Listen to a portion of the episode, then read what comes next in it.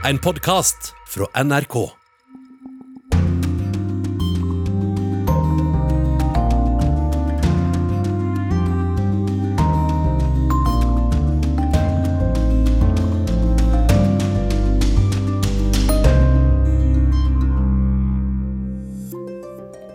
Det er kaos i britisk politikk, der en fersk statsminister viste seg å ha kortere holdbarhet enn et salathode, og ble kassert denne uka. Så hvem skal styre britene nå? Italia styres fra i dag av en kvinne.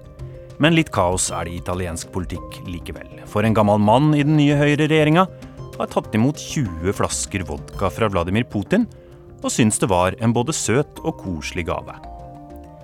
I Kina er det alt annet enn kaos som gjelder.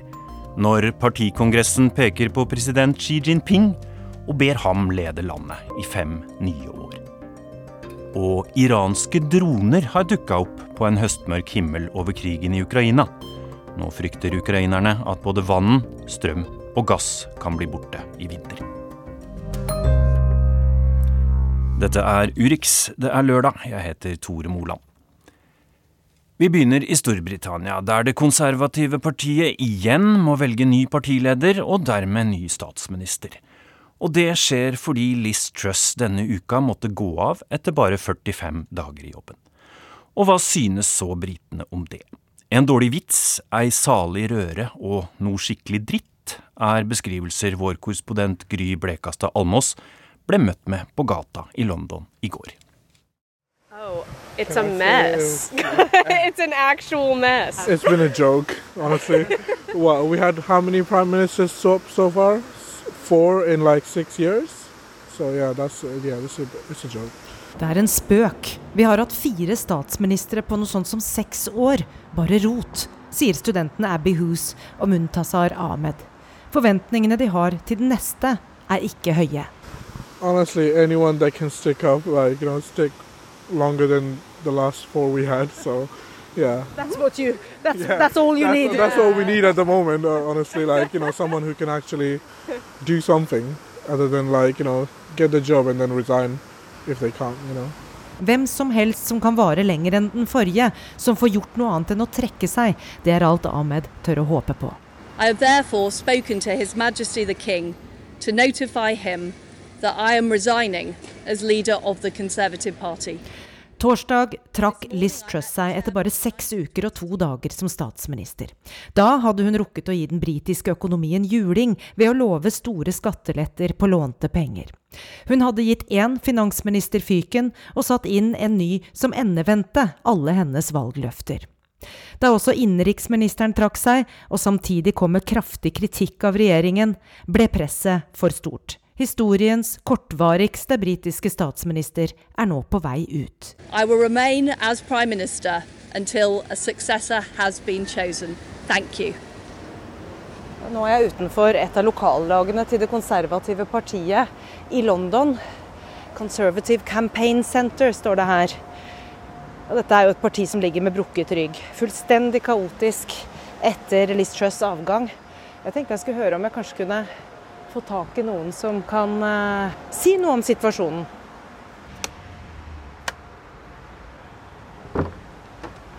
Hi there. I'm trying to get hold of someone in the Conservative Party. Men mannen som åpner, tilhører et konstruksjonsfirma som deler kontorer med Toryene. No, it doesn't look like they're in. It's just a, I think it's a campaign office. We just share the Han viser meg det politiske kampanjekontoret. Det er mørkt og tomt. Thank you. It's a shit show. You know, it's uh, A shit show.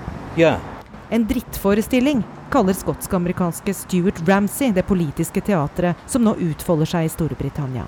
Vi treffer ham utenfor de konservatives lokaler, og han tror at det kaoset som nå utspiller seg i Westminster i London, kan føre til oppløsning av den britiske unionen. I, I can't believe it. I'm Scottish, you know, leaning towards independence.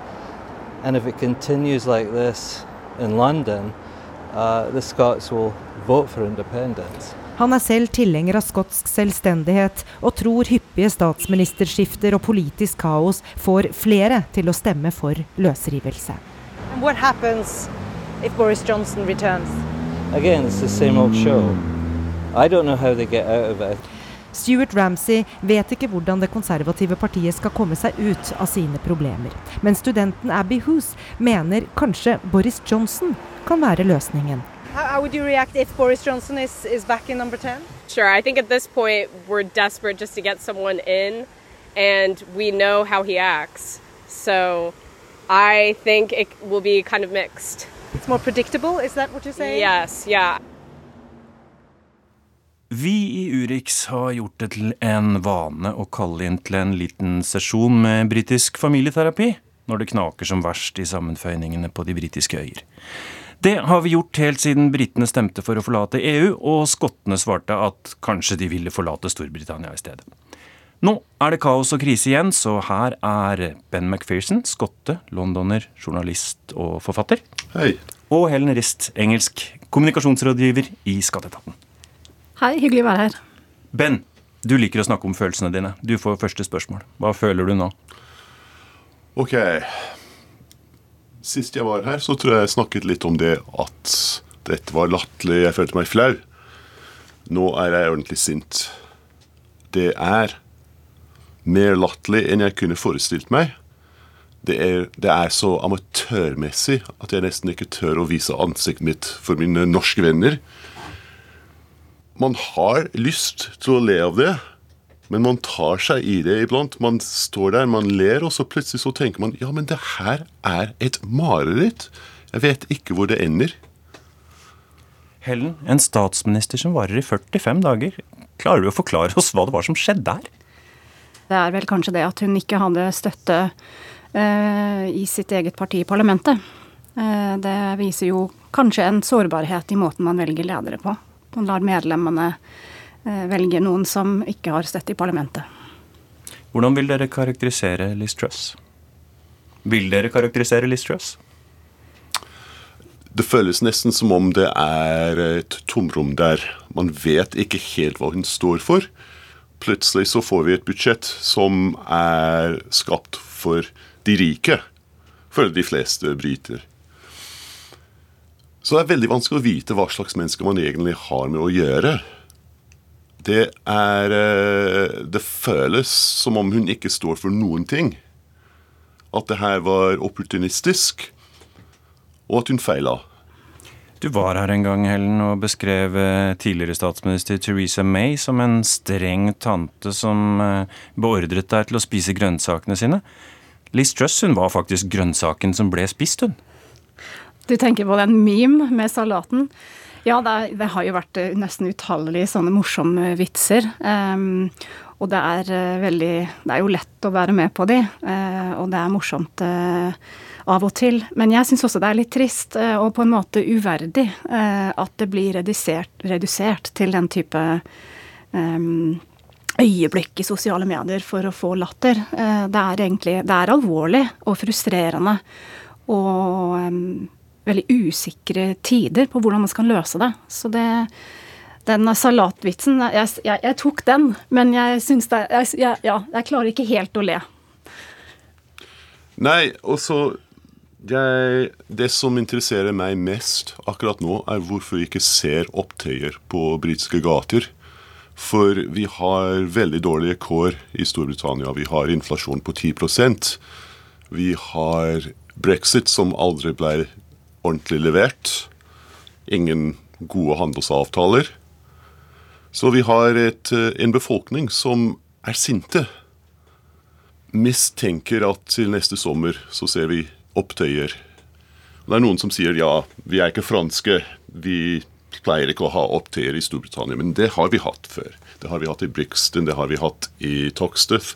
Det har vi hatt i forhold til det som het Poltax på 1980-tallet. Ja. Så jeg tenker at er, nå står vi i en veldig sånn sårbar situasjon, hvor folk som da har, har lite penger, risikerer å miste jobben sin. Og når de da først begynner å miste jobbene sine, så tror jeg at situasjonen er veldig febril. Hvis vi går tilbake til lederskapet, nå har jo de fire siste statsministrene alle sammen vært konservative. Er det det konservative partiet som har mista retningen her, eller er problemet større enn som så, Helen? I hovedsak eh, så tror jeg det handler om uh, internt i uh, partipolitikken. Uh, men det er i, det er i en, større kontekst. både i Storbritannia og i verden. Altså det er en ekstremt urolig periode vi er i nå. Så er, man kan ikke se dette ut av kontekst. det som har skjedd spesielt med økonomien, tror jeg må, det fortjener å bli satt inn i et større perspektiv. Det er ikke partiet parti alene som har ansvar for det. Når vil du si britene sist hadde en sterk og tydelig og inspirerende statsminister? På hver sin måte så kan man si at alle har vært sterke. Eh, inspirerende eh, er mm, ikke Ja, på, på, andre måter kanskje. Men jeg tenker tilbake til da vi var her sist og snakket om Teresa May. Eh, og der var det mange som er uenig i politikken hennes. Men det er ingen tvil om at hun var en uh, tydelig statskvinne. Eh, og hadde respekt og var forutsigbar. Jeg tror at andre land visste hva de kunne forvente.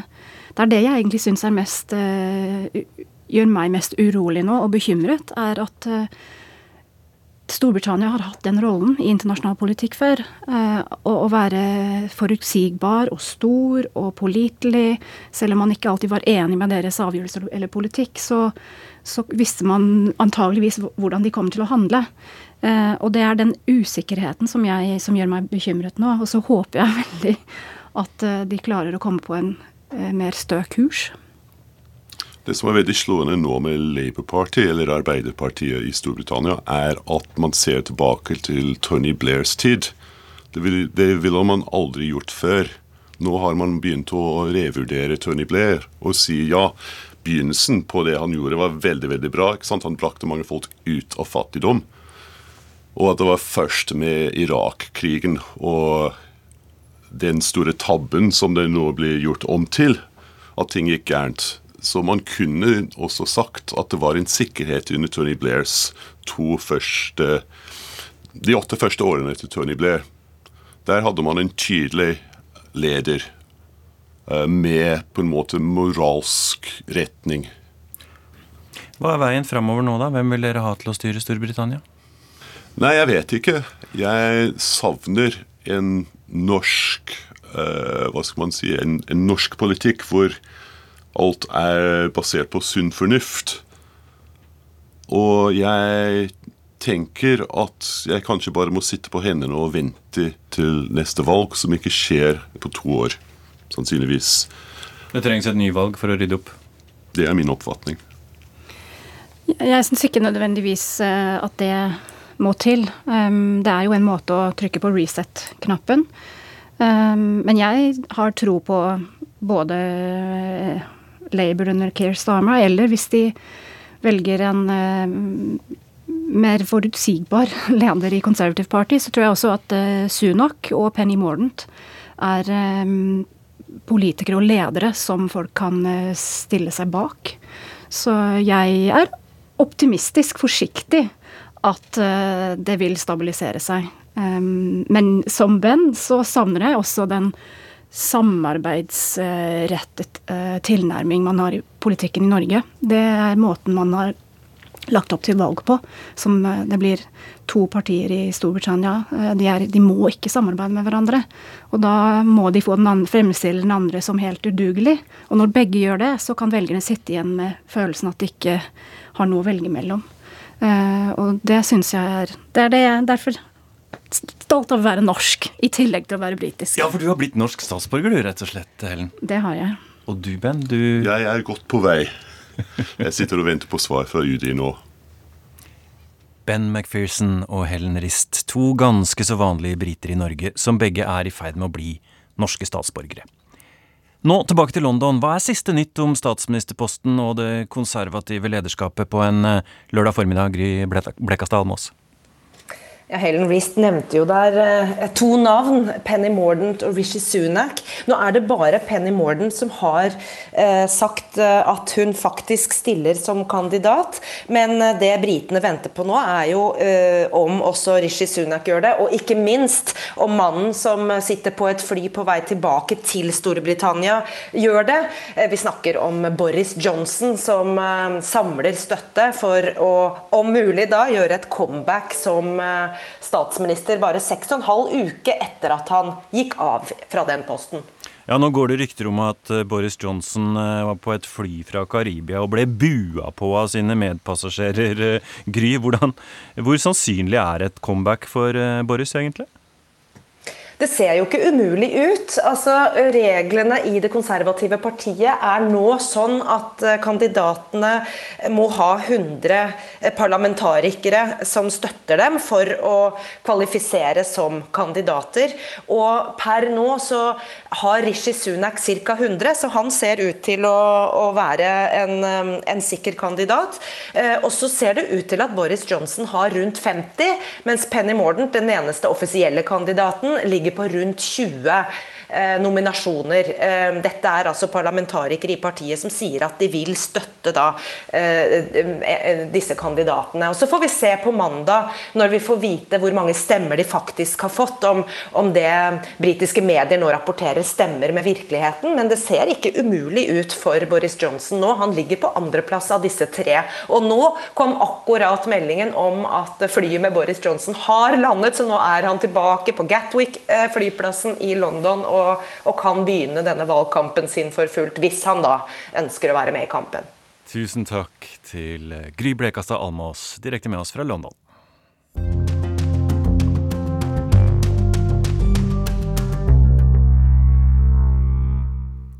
Denne uka mista over 1000 byer og småsteder i Ukraina både strømmen og vannet pga. russiske angrep.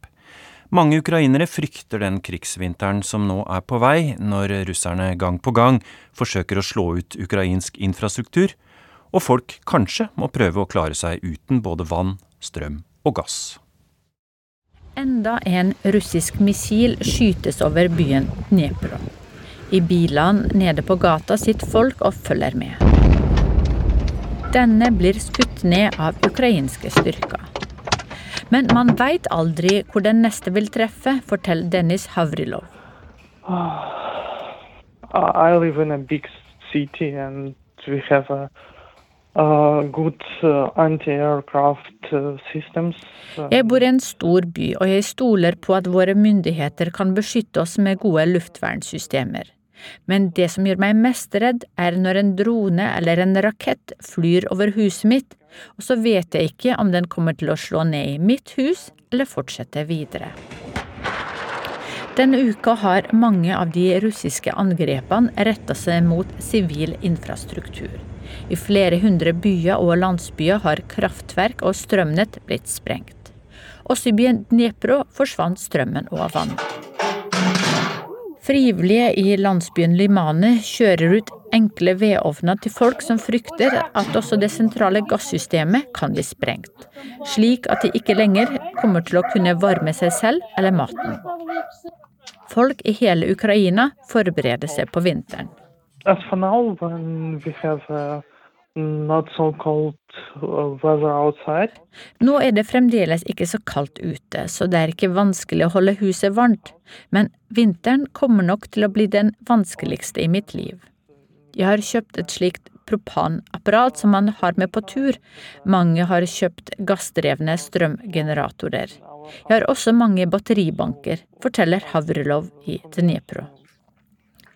Krigen har ført til at folk mange steder i Ukraina mangler både varme klær og medisiner, sier Rafał Roszkiewicz i den polsk-ukrainske stiftelsen Pogoń Ruska. Stiftelsen kjører busslaster med medisiner til sykehus ved fronten. Den ukrainske regjeringen prioriterer soldater ved fronten, så det er mangel på dagligvarer og medisiner sentralt i Ukraina. Det andre problemet er en ny bølge av flyktninger. De flykter ikke ut av landet, men blir boende i midlertidige leire i områder rundt Lviv.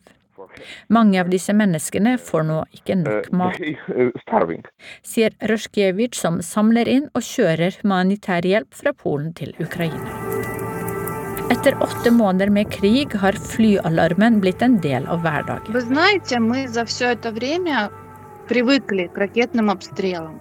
Vi har blitt vant til missiler, men når de nå angriper bolighus og sivile bilkolonner, så føler vi ikke lenger redsel, men hat, forteller Margarita Khorosjon i Zaporizjzja.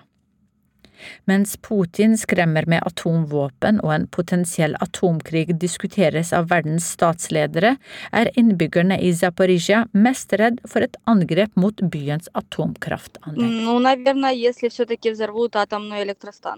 Jeg er mest redd for hva som kan skje med kraftverket. Alle andre angrep har vi blitt vant til, men hvis atomkraftverket blir angrepet, vil det gå ille med oss alle, ser Ekaterina Krishina. Mange av de NRK snakker med, forteller at de ikke vil være redde, for det er det Putin ønsker. De forbereder seg på den kalde vinteren og prøver å leve som normalt.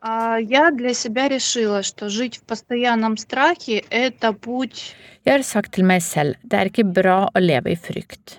Jeg kan ikke gjøre noe for å forhindre at en rakett treffer oss. Men jeg vil ikke være redd, for det er det Putin ønsker at jeg skal være чтобы этого не было. Det sa Margarita Korosjun i Zaporizjzja til reporter Sofia Paskiewicz. Og et av våpnene som nå blir brukt for å ramme ukrainsk infrastruktur, er såkalte angrepsdroner. Ukrainske myndigheter sier dronene som nå slår ut bl.a. strømforsyningen i landet, er lagd av Iran. Men Iran nekter for å ha eksportert våpen til russerne. Kollega Mohammed Alayobi har sett litt nærmere på saken.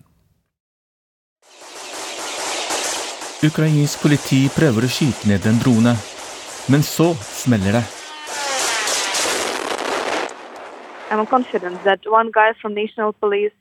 Jeg er helt sikker på at en politimann har klart å skyte ned en angrepsdrone. Det forteller Katarina Hasinko. Hun er journalist og bor ikke så langt unna der dronen eksploderte. People uh, thought that in Kiev like a safe place. Folk trodde at Kiev var trygg, og at ingenting kunne skje her. Men nå er det mindre trafikk i sentrum av byen, og flere mennesker har flyttet til andre steder i Ukraina eller til utlandet, forteller Katarina på telefon fra Kiev til NRK. Angrepsdronene som blir brukt denne uken, er ifølge ukrainske myndigheter av typen Shahed 136 og produseres i Iran. Nå brukes dronene av den russiske hæren i Ukraina. Dronene har allerede gjort store ødeleggelser flere steder i landet.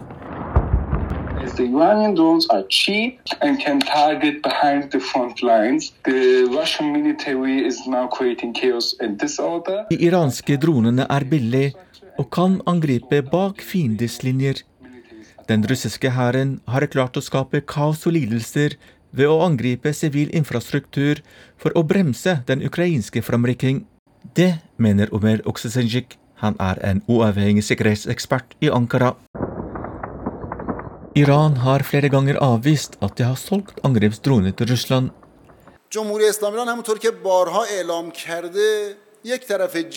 Den islamske republikken Iran har ikke eksportert våpen til noen av partene i konflikten i Ukraina. Det hevder talsmann for iransk UD, Nasser Kanani, på en prestekonferanse på mandag. Men myndighetene i Kiev sier at de har bevis.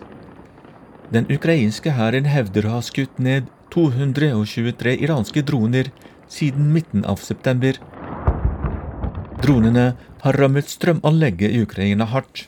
So Ukra- Ukrainian authorities ask people not to use a lot of energy like electricity.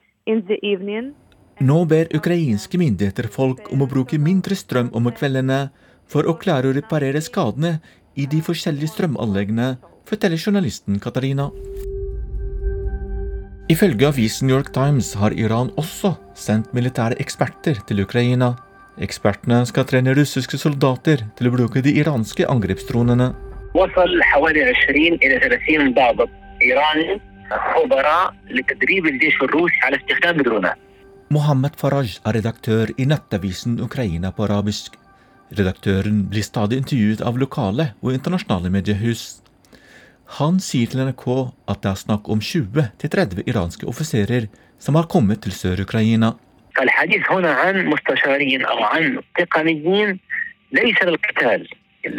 De som har kommet, er rådgivere og teknikere for å trene russiske soldater.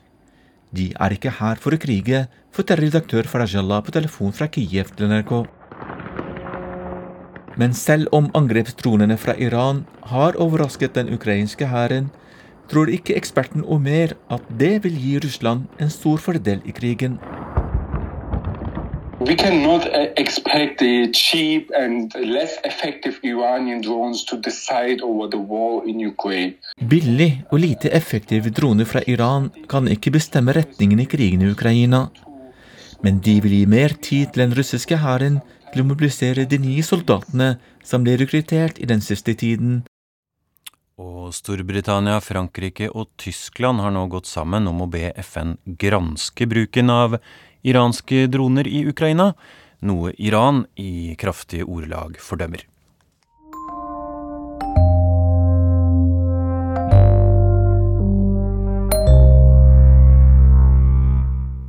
Hva gjør en russisk mann som helst ikke vil styres av Vladimir Putin, og som i hvert fall ikke vil reise til Ukraina for å krige? Svaret er overraskende ofte å sette seg på et fly til Tyrkia. For dit trengs det ikke visum, og flyene går som før. Hundretusenvis av menn har forlatt Russland siden president Putin annonserte en delvis mobilisering for en måned siden. I Istanbuls gater hører korrespondent Åse Marit Befring nå russisk overalt. Evgenij. Albert går inn på rommet han deler med kameraten Jevgenij.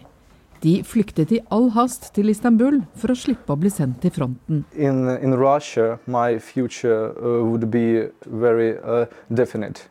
It was going to jail or going to the war. I Russland sto valget mellom å gå i fengsel eller i krigen. 31-åringen sier han ville valgt det første. Rommet de tidligere studiekameratene bor på nå, består av to spinkle senger, en bokhylle og noen klær. Jeans, uh, Jeans, hettegensere, T-skjorter, notatbok og mobilen. Det var alt Albert fikk med seg. Heller ikke kameraten fikk med seg store greiene. På senga ligger noen bøker og en caps. For begge ble livet snudd på hodet den 21. september.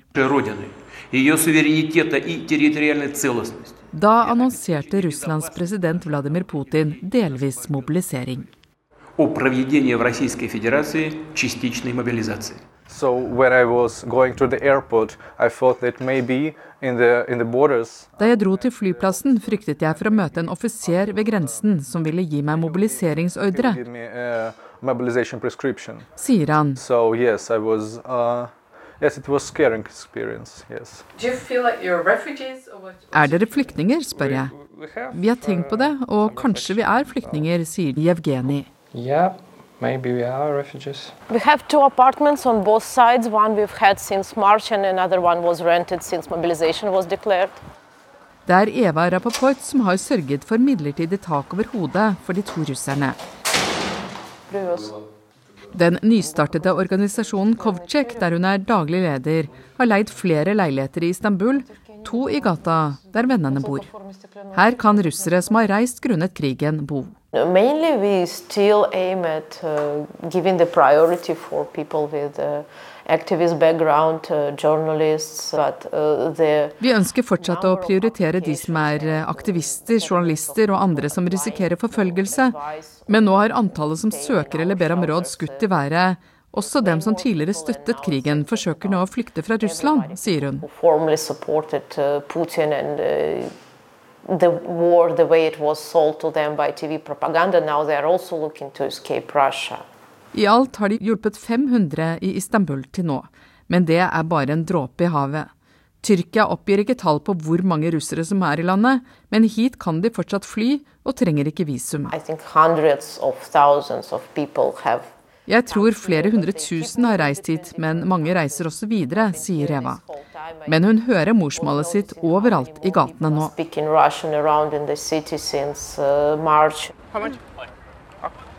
Dennis og kona Snetsjana flyttet for godt i april. De ville ikke lenger bo i Putins Russland. Vi lever i det 21. århundre. Krig da? Hvorfor? spør 24-åringen. War? Why? For what reasons? We just want to live, to live happy without any fear. Vi ønsker bare å leve lykkelig uten frykt, og ha muligheten til å si hva vi vil, sier Snechana. To have opportunity to speak, to tell what you want to tell. Den muligheten har mannen Dennis Minov nå fått, og grepet begjærlig med begge hender. Han gjør det han ikke turte som standup-komiker i Russland. Han vitser om Putin, til stor glede for publikum.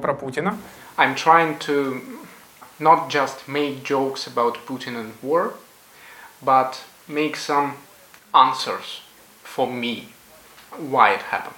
Jeg forsøker å finne noen svar i vitsene om hvorfor det skjedde, sier Dennis. Nesten alle i salen har nettopp reist fra Russland. Også en av standup-komikerne dro motvillig for bare noen dager siden. Jeg elsket livet mitt i Moskva, så det var en tung avgjørelse å ta, sier Kirill Frukmin. So it's not, uh, it's not simple decision. My friends, family, the city that I lived. Tilbake på gutterommet er det mange og mye Jevgenij savner. Fra venner og familie til St. Petersburg. Mens Albert ikke ser seg tilbake. I feel blessed that I could save, uh, save myself, but my future is obscure.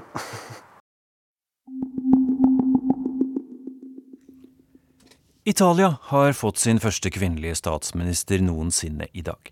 Giorgia Meloni og hennes allianse av høyrepartier vant valget klart i september, og ble tatt i ed for en times tid siden. Men innimellom der ble det en del bråk, eh, korrespondent Simen Ekern i Roma. Ja, etter den voldsomme suksessen som de jo hadde ved valget, så, så har man sett eh, ganske sterke tendenser til eh, splittelse innad i regjeringen, og også voldsom kritikk fra opposisjonen, da, som, som, eh, som var det første. Bl.a. med valget av viktige eh, institusjonelle posisjoner, der eh, både eh, presidenten for Overhuset og Underhuset, Senatet og deputert kamera, sånn som opposisjonen så det, var, ble, ble kandidater som var veldig splittende. Én, Ignacio La Rosa, som, som, er kjent for sin store samling med fascistsuvenirer, og bl.a. har en stor statue av Benito Mussolini i stua, gjorde en del bekymret for hva denne arven til dette partiet på ytre høyre side i Italia hadde tenkt til å gjøre med fortiden, og hvordan de forvalter den. Og, og den andre som ble innsatt, er også en representant for, for en yttersiden av det andre koalisjonspartiet, Lega, som også har uttrykt stor og, og varm beundring for Vladimir Putins Russland. Et lys også for oss i Vesten, har han sagt. Så det startet litt kronglete. Og så er jo 86 år gamle Silvio Berlusconi fortsatt med her. Han har vel vært vant til å bestemme det meste på høyresida i italiensk politikk, men det gjør han ikke lenger. Nei, det gjør han ikke, og det har tydeligvis vært fryktelig vanskelig for ham. Først så så vi det da hans parti, som altså skal være koalisjonspartner med Giorgia Meloni, valgte å ikke stemme på den kandidaten som Meloni hadde pekt ut til president for Senatet. Ikke så mye pga. den Mussolini-statuen, tror jeg, men mest fordi det var et ledd i en sånn fornærmelse fra, fra Berlusconis side. Han følte at han ikke hadde fått sine kandidater i noen særlig grad representert i regjeringen, og det var en slags utpressing, mente mange. Han, han benyttet også anledningen til å poengtere at Melonis mann jobber i hans, i Berlusconis medieselskap, og, og, det var vel mange som så det som en antydning om at det ikke var sikkert at han kom til å gjøre det så lenge, hvis ikke Berlusconi fikk det som de vil. Så litt vrangvilje fra Berlusconi har vi sett, og også da Meloni fikk dette oppdraget om å danne regjering i går, så så man en Berlusconi på den pressekonferansen som tydelig hadde fått beskjed om å ikke si noe, men som prøvde å lene seg over mot mikrofonen for å få sitt budskap fram nok en gang. Og så må du sånn helt kort fortelle oss hva det egentlig var som skjedde da 20 flasker vodka fra Putin et øyeblikk så ut til å kunne velte hele den nye italienske regjeringa, Simen? Ja, for det dukket plutselig opp et uh, lydopptak etter at Berlusconi hadde uh, gjort det ganske klart at han ikke uh, følte seg så godt behandlet. Og Der snakker Berlusconi om at han nå har blitt god venn med Vladimir Putin igjen. De har jo hatt et godt forhold lenge. så gode venner hadde de blitt at Putin hadde sendt Berlusconi 20 flasker vodka på bursdagen hans. Og, og ettersom Putin har bursdag bare noen dager etterpå, så svarte Berlusconi med et veldig hyggelig brev og 20 flasker Lambrusco-vin fra Nord-Italia. Så dette skapte ganske store bekymringer da, for Georgia Meloni. En av de viktigste sakene hennes, egentlig, i hvert fall når hun har snakket med folk i utlandet, har jo vært at Nato er en hjørnestein i, i, i denne nye regjeringen, og, og, det ikke skal være noe Putin-støtte der. Så det var litt bekymring for henne, men nå er alle på plass, og, og regjeringen startet, altså sitt, eh, kan starte sitt arbeid nå på mandag.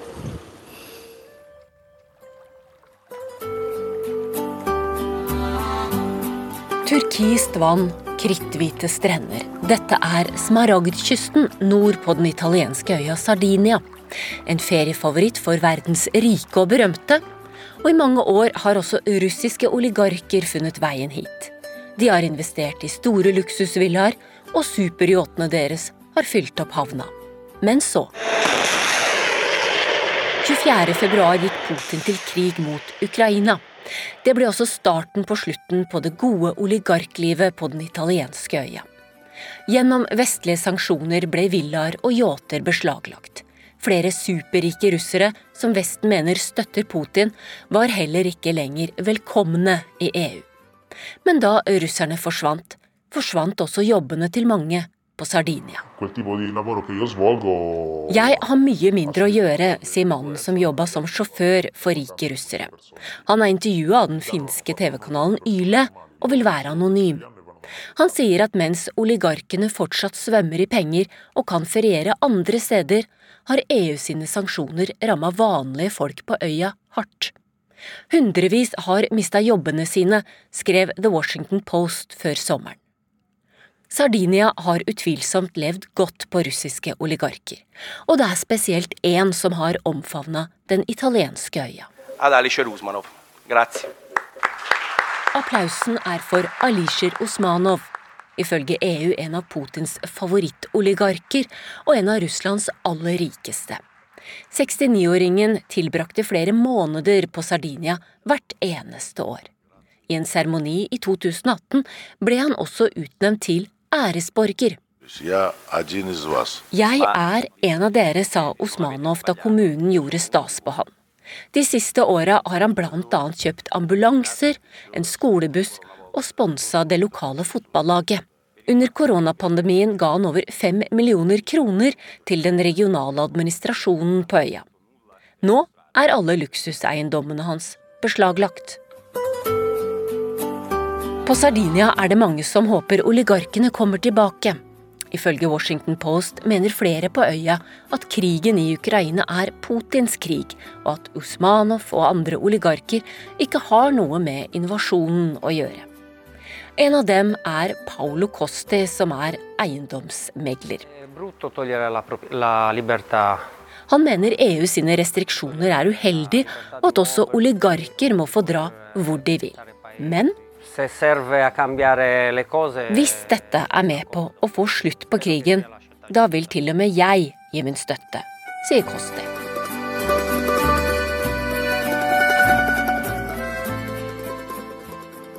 Det var eh, reporter Kari Skeie som hadde sett nærmere på russiske rikfolks forhold til den italienske øya Sardinia.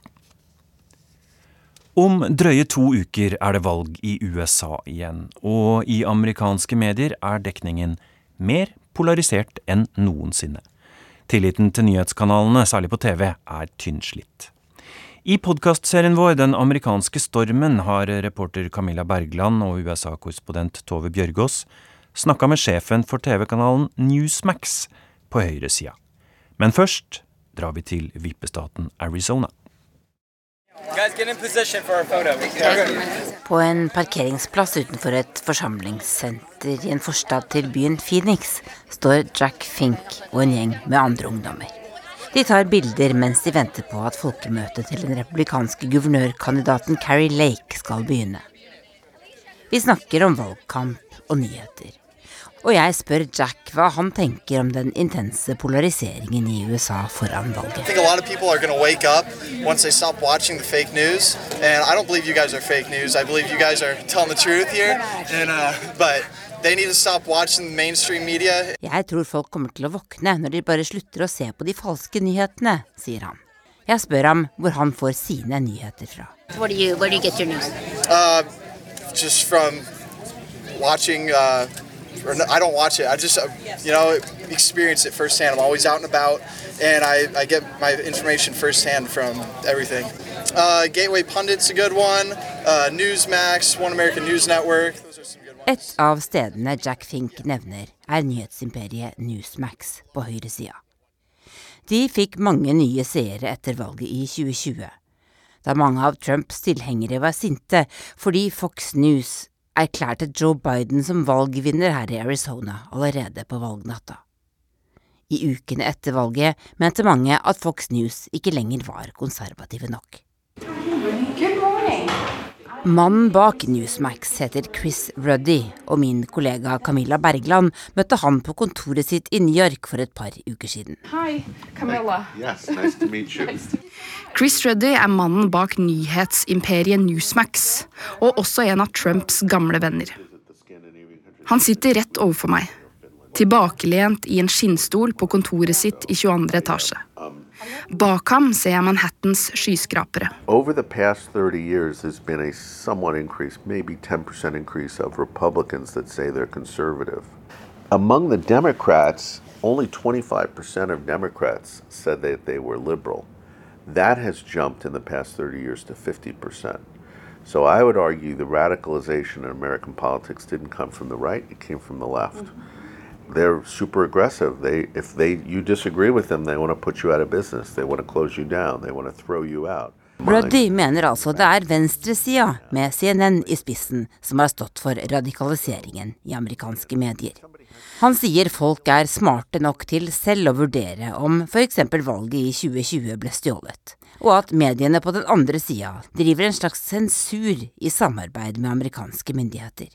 But, but I'm, I'm curious. Uh, isn't isn't it a problem for democracy when people say that they don't feel that they can trust media anymore? Tremendous problem, and and you know I think it looks like a lot of the stuff like with Trump is for political purposes before the midterms. They're driving Democratic support up. Denne virkelighetsoppfatningen er det mange i USA som ikke deler. På en litt bråkete kafé nær Kongressen i Washington møter jeg en som er svært uenig med Ruddy. Media Matters is a nonprofit organization that seeks to monitor, track, analyze, research right wing media. Jason Campbell er medieanalytiker for Media Matters, et nettsted som driver med mediekritikk. Han mener hovedproblemet med medier som Newsmax nå, før valget, er at de rett og slett forsøker å underminere tilliten til selve demokratiet i USA. But Newsmax, more than many other organizations, on the right has done tremendous work to sow extreme doubt in the fundamental pillars of American democracy, our electoral system, the office of the presidency itself. But what is the difference between what Fox and maybe Newsmax are doing and what sort of MSNBC and other outlets on the other side are doing? Um, you know, I think that all cable news networks have their serious problems. You know, I'm one of those people who thinks that people should not watch their news; they should read it. And even at that, you know, not nearly as much as we're told to all the time. Social media has a lot of problems, obviously. Jeg mener alle amerikanske nyhetskanaler på TV har alvorlige problemer med måten de presenterer nyhetene på, sier Campbell. Men det er én stor forskjell på Fox og Newsmax på den ene sida og MSNBC og CNN på den andre.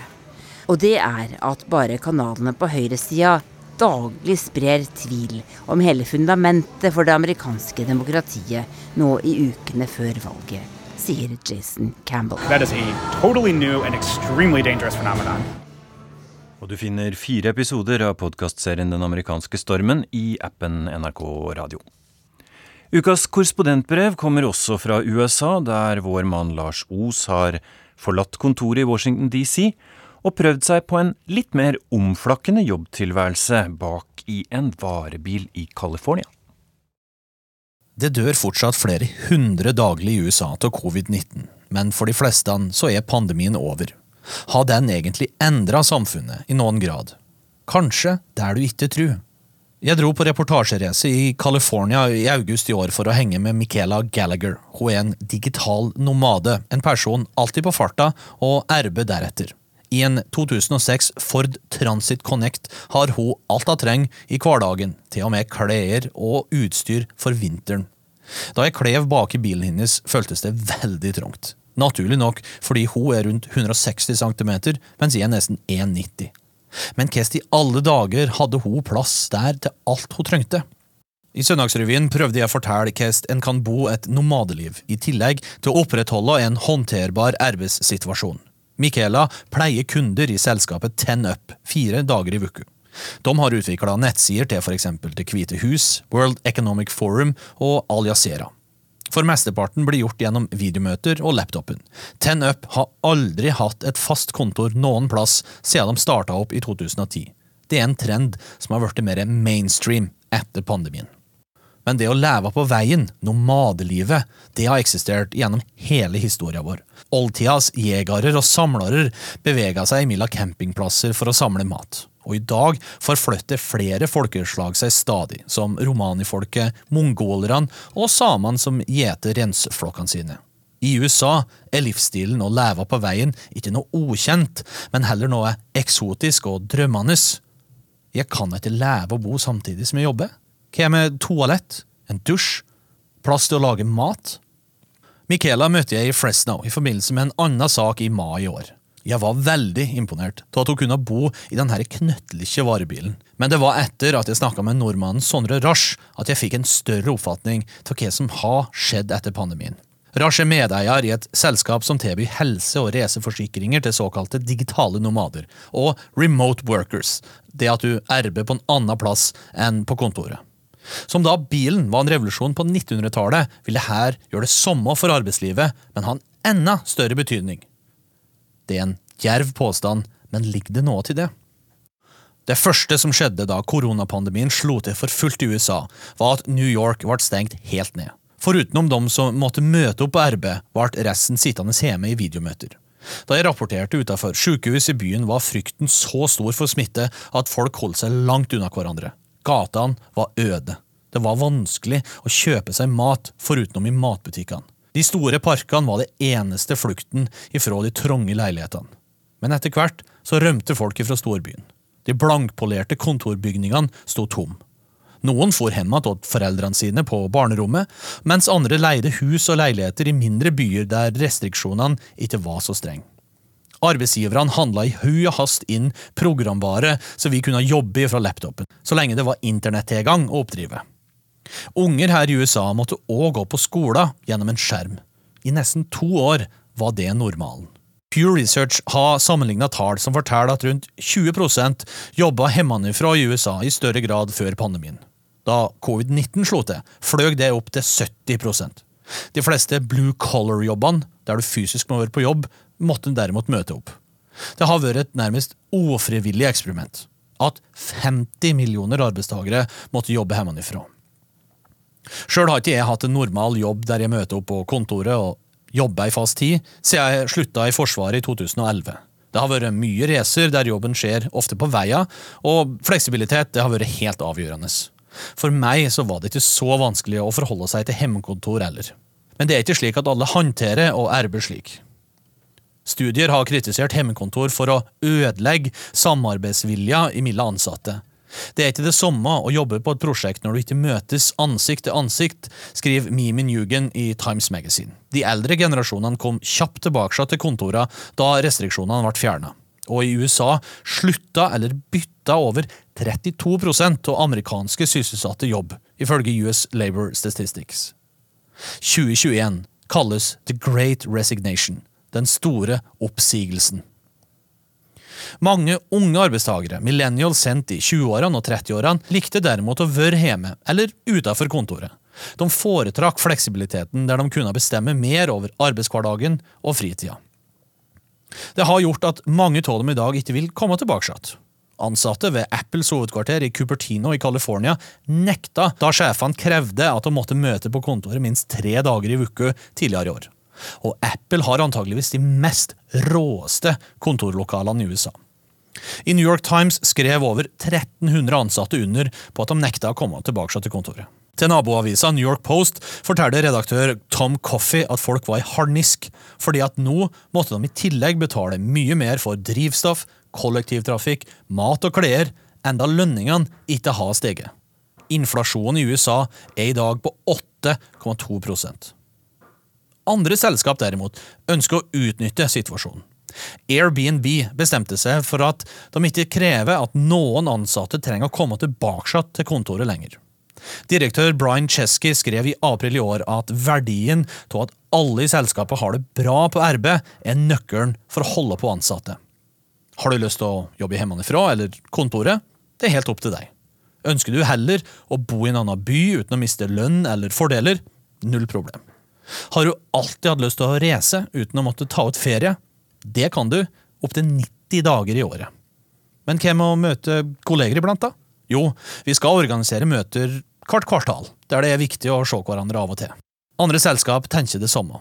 For når millennials nå mener det er viktigere å ha fleksibilitet og fri fra jobb enn høyere lønn, så må arbeidstakerne legge til rette for det. Og i Norge vil flere bli sine egne ansatte og ha større frihet i hverdagen. Sannheten er, som med mye annet her i USA, at det ikke er svart-hvitt. Arbeidstakerne må nok fortsatt belage seg på å stå i bilkø i framtida, med skrikende unger i baksetet som skal på skolen. Allikevel må arbeidsgiverne legge til rette for mer fleksibel hverdag. Litt som vi har det i Norge, med kjernetid og flere fridager. Michaela har jobba på veien i flere år. Hun fortalte meg at hennes hverdag har gitt mer livsglød og bedre psykisk helse. Men ingenting er for evig. Hun vil finne seg et fast hjem den dagen familia skal stiftes.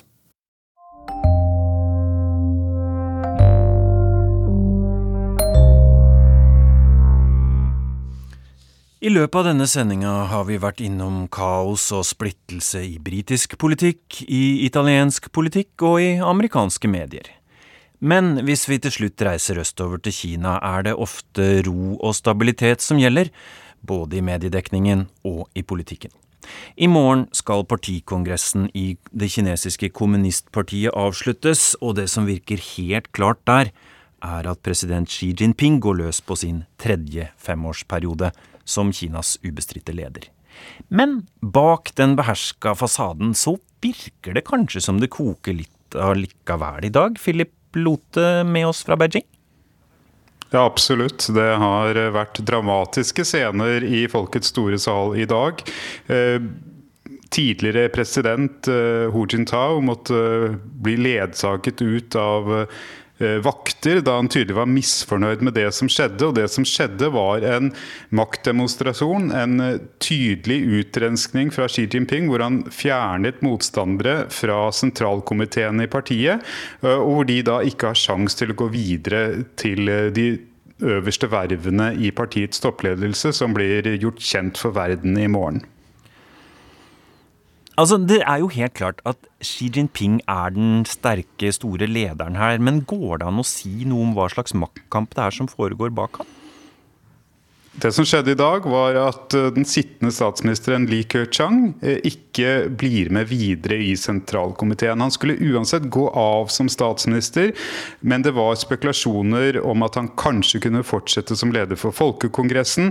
Det var også en spekulasjon om at hans nærmeste alliert i politbyråets stående komité, altså den øverste komiteen i partiet, eh, kunne få jobben som statsminister etter han. Det står ikke til, og da er det den andre hovedspekulasjonen som nå virker mer sannsynlig at eh, president Xi har eh, ryddet eh, bordet, har planlagt dette nøye, og i morgen kommer til å kunngjøre en ledelse som i stor grad, kanskje nesten utelukkende, består av personer som er hans folk, lojale overfor han. Hva betyr det for styringen av Kina videre de neste fem åra, Philip? Det betyr at uh, Xi sannsynligvis får uh, den han ønsker selv som statsminister, som leder for Folkekongressen, og ikke minst som leder for partiets disiplinærkomité, som er de som uh, driver jakt på korrupsjon og overser at regler blir holdt i partiet. Det vil også mest sannsynlig be bety at vi vil se et mer nasjonalistisk Kina. altså Xi vil fortsette sin antivestlige og trappe opp sin antivestlige retorikk. og allerede allerede i dag så ble Taiwan flyttet høyere opp på den politiske agendaen ved at eh, de vedtok i partiets eh, regelverk, statutter eller grunnlov, partiets grunnlov som de sier her, at eh, de ikke vil tillate at Taiwan blir uavhengig. Dvs. Si en forsterkning av at de ikke bare sier at Taiwan er en del av Kina. Nå sier de helt klart at Taiwan aldri vil bli uavhengig. Og så spøkte jo jeg litt innledningsvis Philip, om ro og stabilitet i Kina versus hvordan det ser ut i resten av verden. Hvordan framstiller eh, kineserne nå eh, resten av verden under partikongressen? De har fokusert eh, mye på ustabilitet i Europa. Altså de sier at det kommer en uh, energikrise som vil føre til protester i Europa, splittelse i Europa og splittelse mellom Europa og USA. Det er en historie som fortelles uh, på tvers av mediene.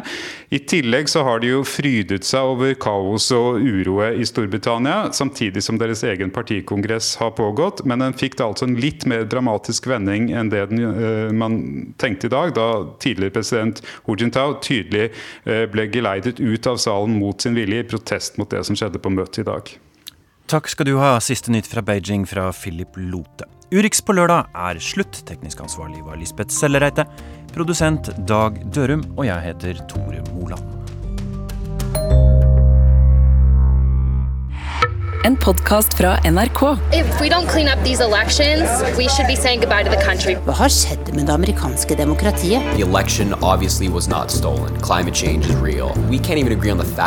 Bli med meg, Tove Bjørgaas. Og meg, Camilla Bergland, ut på tur nå rett før mellomvalget.